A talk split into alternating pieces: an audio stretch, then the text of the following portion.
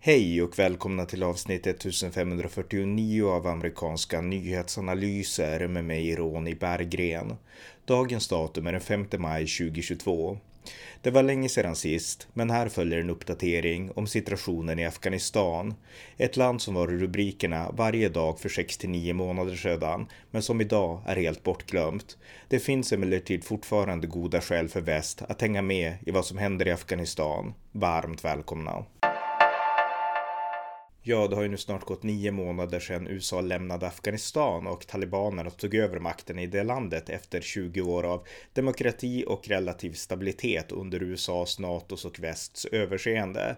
Och jag tyckte USAs uttåg, eller reträtt från Afghanistan var en katastrof. Jag anser att talibanernas övertagande har varit en katastrof och eh, Afghanistan idag lider ju under enormt både förtryck mot kvinnor men också enorm fattigdom och eh, många umbäranden på grund av eh, terrorism och naturkatastrofer och sånt som talibanerna inte är kapabla att ta itu med.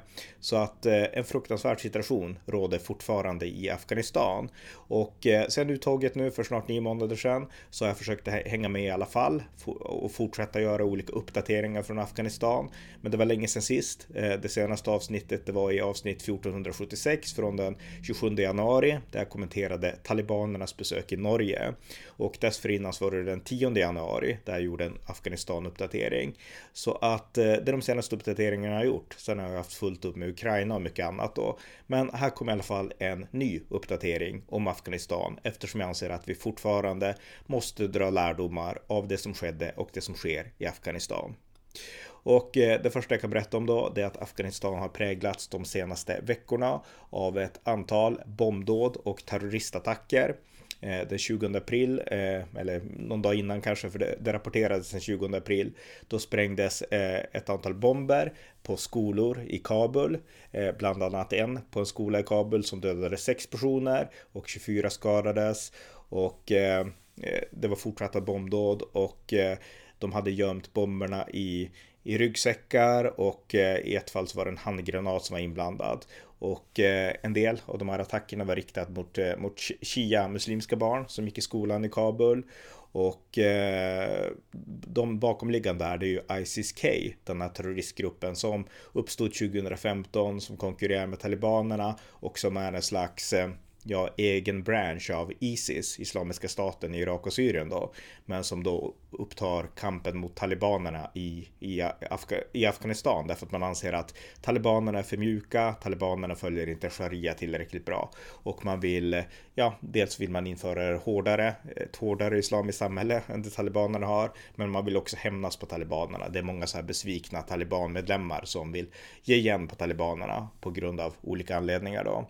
Men det var i alla fall eh, bombdåd mot skolorna där i Kabul ungefär i mitten av april. Och eh, det skedde också terrorattacker i norra Afghanistan i Mazar-e Sharif.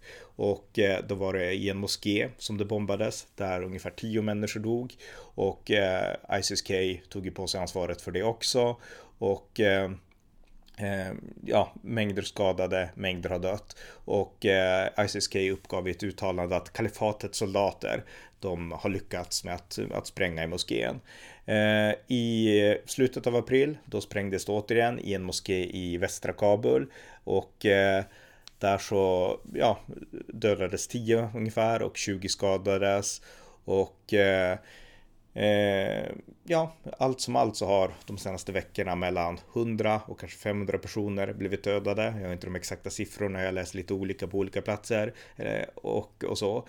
Men eh, Afghanistan präglas av terror, av bombdåd och eh, talibanerna försöker, men de lyckas inte stävja det här. Eh, de försöker med olika metoder.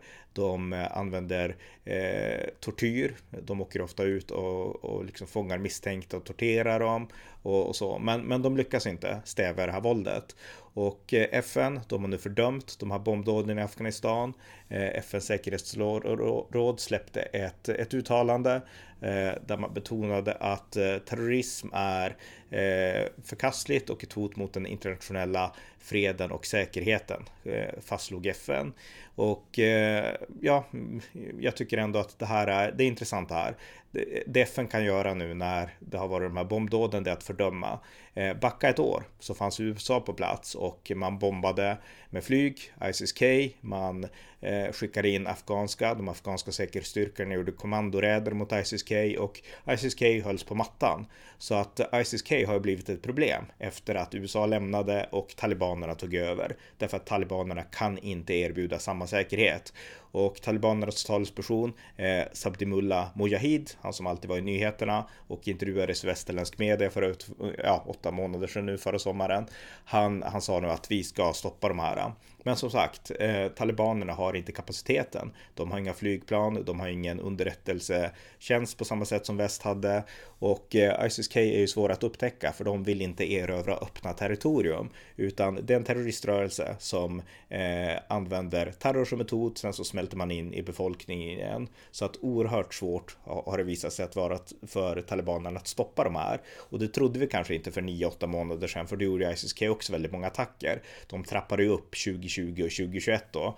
Eh, och vi trodde väl att när talibanerna väl tar över så kommer de att kunna krossa ISIS-K för de känner alla ute i byarna, de kan språken och ISIS-K är ju bara några tusen medlemmar, några tusen terrorister mot talibanerna som är tio, kanske hundratusentals eh, engagerade.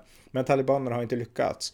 Och eh, ISIS-K visar att eh, terrorism är fortfarande ett problem eh, i Afghanistan. Fast nu är det inte talibanerna som står för självmordsbomberna och eh, skjutningarna och så här utan nu är det ISIS-K och eh, det här är alltså en hårdförd eh, Salafi terroristgrupp i, i Afghanistan eh, som, som USA höll koll på när man styrde.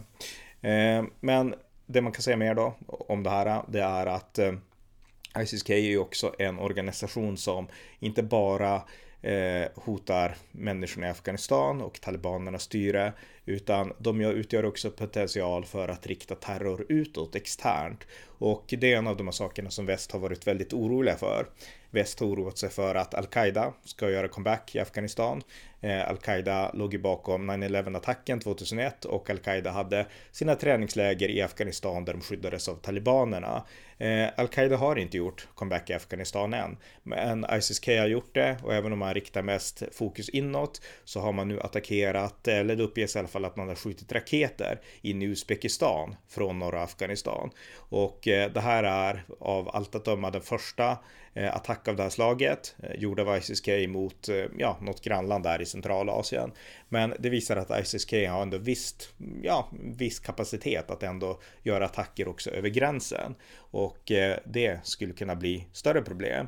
Och eh, det finns också andra grupper eh, i Afghanistan som på något sätt herbergerar sig i Afghanistan för att driva terror utomlands.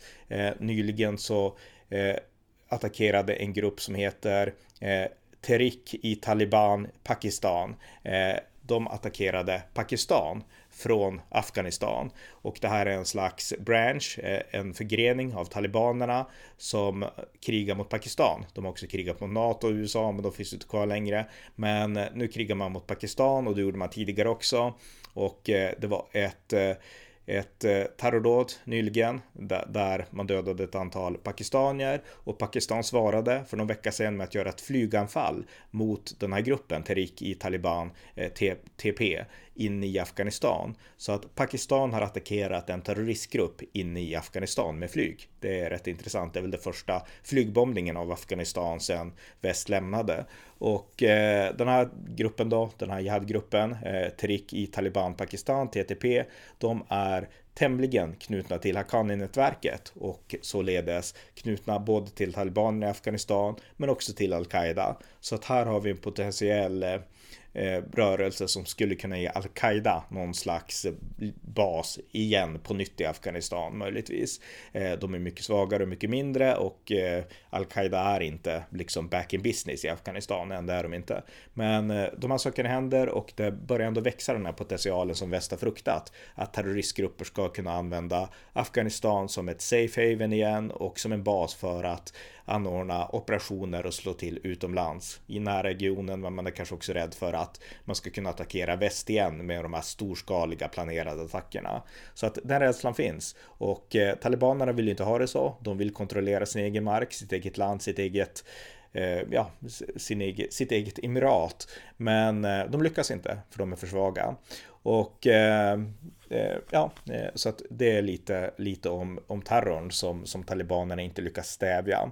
Sen har Afghanistan också väldigt många andra problem. Det har nu varit regn, översvämningar, det är torka och i de senaste översvämningarna som har drabbat 12 provinser så har 22 afghaner dött, eh, drunknat antar jag och eh, mängder av hushåll har blivit översvämmade och boskap har dött och sådana saker.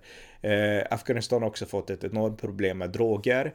Eh, opium eh, som tillverkas i Afghanistan, det är välkänt. Men nu har många gått över till att producera meth, alltså eh, ja eh, vad, vad heter det för något, den här varianten av amfetamin som, som, som används, crystal meth eller vad man säger. Och eh, New York Times skriver ganska ingående om det här, att eh, det här är en eh, tämligen ny business, för förut var det mer eh, eh, opium och, och, liknande som man odlade.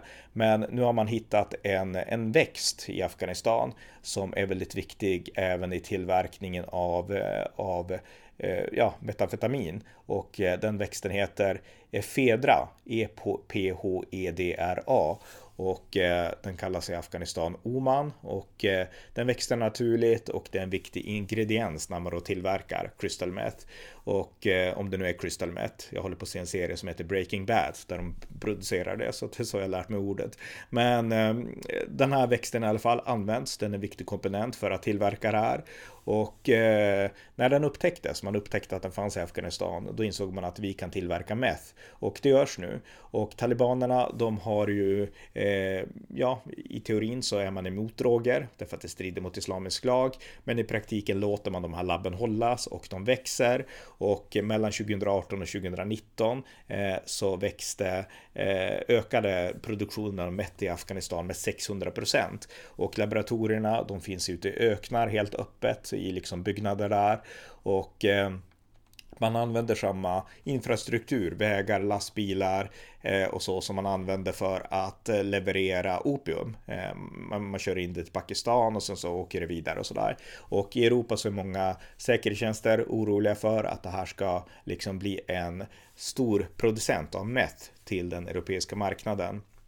Och Eh, Eh, som det ser ut nu så, så, är det så och det är en väldigt viktig svart ekonomi för ett land som nu är helt avstängd från världsekonomin så blir metten, ja, det, det blir en inkomstkälla.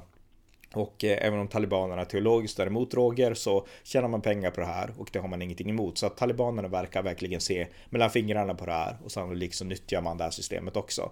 Men nu är det inte längre bara opium utan det är också meth som Eh, som eh, Afghanistan har börjat exportera. Eh, och eh, det var Washington Post som skrev om det här, det var inte New York Times. Eh, så att eh, det är ännu ett problem med Afghanistan. Eh, det finns ju också såklart många som är missnöjda med talibanernas styre, förtrycket mot kvinnor är enormt och motståndet som har funnits, eh, jag pratade mycket om det för ett halvår sedan och åtta månader sedan, det är ju National Resistance Front i Panjshirdalen norr om Kabul och eh, den rörelsen finns fortfarande kvar.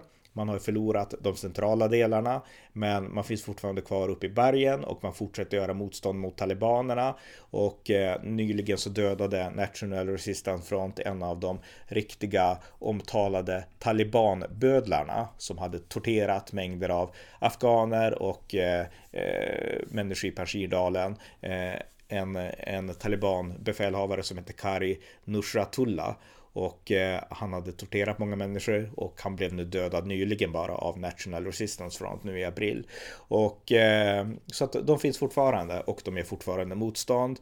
Eh, men de bedöms inte kunna göra nämnvärt mycket utanför Panjshirdalen. I Panjshirdalen kan de fortsätta göra motstånd. De kanske kan ta tillbaka olika delar sådär, men, men eh, de kommer inte kunna ta tillbaks hela Afghanistan. Men sen höjs det andra röster. En tidigare general från den afghanska armén, general Sami Sadat. Han har sagt att de här åtta månaderna med talibanerna, det har varit fruktansvärt och nu vill han börja leda en motståndsrörelse mot talibanerna och eh, göra allt för att befria Afghanistan från talibanerna och återinföra demokrati i Afghanistan. Ehm, det sa han till BBC. Hur troligt och realistiskt det här är, det är ja, i, i, min bedömning är det inte så realistiskt att han skulle lyckas. Eh, det, det, var en katastrof att USA lämnade Afghanistan. USA hade 2500 soldater kvar och det räckte för att hålla ihop regeringen, för att hålla hela landet med 40 miljoner människor hyfsat stabilt och eh, det räckte långt. Sen avancerade ju talibanerna i alla fall, men Eh, det hade man kunnat stävja upp. Eh, så att, eh, ja, eh, alltså det, det räckte med 2500 amerikanska soldater för att hålla ett land som man ändå hade gjort tämligen stabilt, stab, stabilt. Men idag så det kommer inte räcka med en liten styrka för att kasta liksom, talibanerna över bord igen och återbygga nationen och stabilisera den. Så att det, det, är bara mörker i analysen av Afghanistan just nu. Så att möjligheten för den här generalen, Sami Sadat, eller för eh, National Resistance Front i Pashirdalen att verkligen förändra Afghanistan, att återföra Afghanistan till den demokrati och det styre och den relativa stabilitet som ändå fanns för bara ett år sedan. Det ter sig nästan omöjligt, tyvärr alltså. Eh, de är för sent ute, utan våran chans hade vi för ja, ett antal år sedan att verkligen bestämma oss för att bistå Afghanistan och stå landet bi, men det blev inte så därför att det fanns ett antikrigs västerländskt tryck i väst där det målades upp bilder av att det här var liksom meningslöst krig och att det var ett imperialistiskt krig och att människor dog, amerikaner dog och NATO-soldater dog som flugor. Och så var det ju inte, men det var en bild som vänster målade upp och Joe Biden föll för trycket tyvärr och eh, Afghanistan föll därefter, en stor katastrof. Men det var det som hände och det är svårt att vrida klockan tillbaka. Eh, vad mer kan då sägas om situationen i Afghanistan? Eh, USA har nu kommit fram till att man när man lämnade landet så lämnade man också militär utrustning i Afghanistan för 7 miljarder dollar. Och en hel del av den här rustningen, utrustningen har såklart, men ty tyvärr, men såklart fallit i händerna på terrorister. Dels ISIS-K kan bruka sig av det här. Talibanerna har gjort det såklart. Men nu visar det sig också att en del av den amerikanska militära utrustningen även har hamnat i Kashmir, där det finns en konflikt mellan Pakistan och Indien. Och Indien oroar sig nu för att det ska bli svårare att eh, värna den indiska säkerheten i förhållande till islamisterna i Kashmir. Så att, eh, ja, det är några av konsekvenserna av att man börjar lämnade saker vind för våg. Eh, sen har vi hela flyktingkrisen, eh, så såklart mängder, hundratusentals har flytt från Afghanistan, många till närområdena, men många har också flytt till Europa och eh, 2021 så ökade eh, antalet flyktingar som kom från Afghanistan med 72 procent till den Europeiska unionen och eh, många barn, eh, eh, liksom barn som har kommit ensamma, eh, de kom och eh, det uppges att eh, 23 255 barn utan föräldrar sökte asyl i EU förra året. Och det är en, ja, i princip en fördubbling sedan 2020.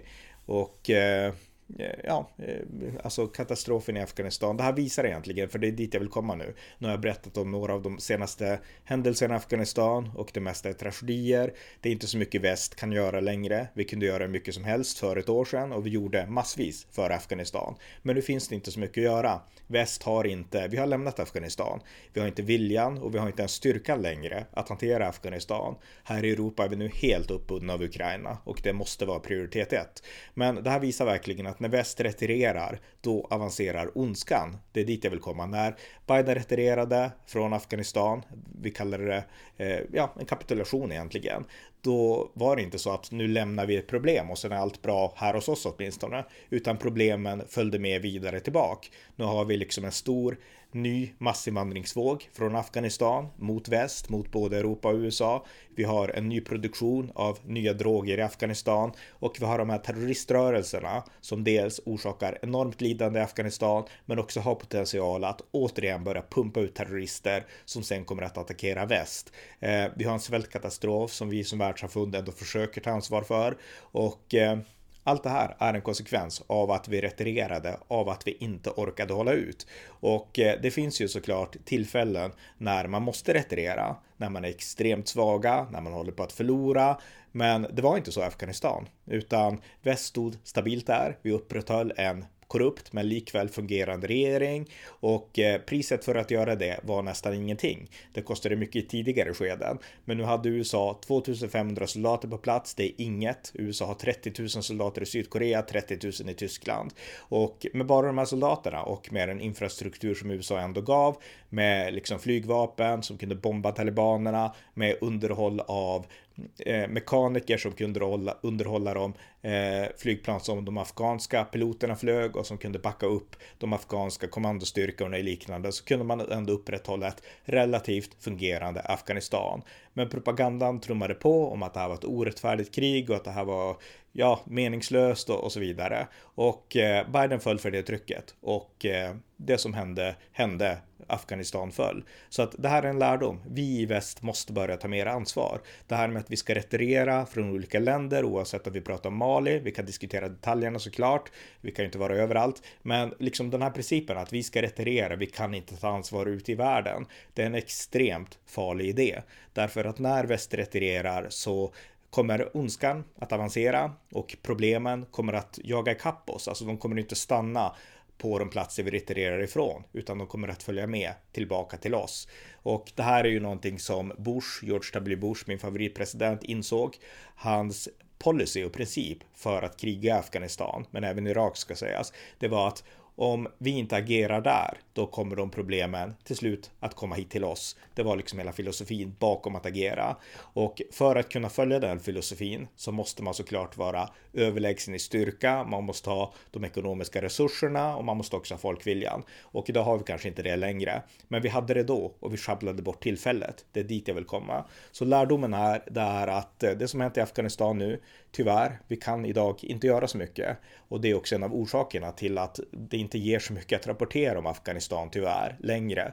Därför att jag kan berätta det här, jag kan berätta om svälten, jag kan berätta om bombdåden i Kabul och ja, den fruktansvärda liksom, allt som händer i Afghanistan som inte är bra för trycket mot kvinnor. Men vi i väst kan inte göra så mycket längre. Eh, det tillfället är sumpat och eh, av det skälet så kanske det inte finns anledningar att berätta så mycket om Afghanistan. Men genom att berätta så kan vi ändå dra de här lärdomarna. Vi agerade fel i Afghanistan när vi retirerade förra året och eh, vi kan dra lärdom i förhållande till andra konflikter och platser i världen.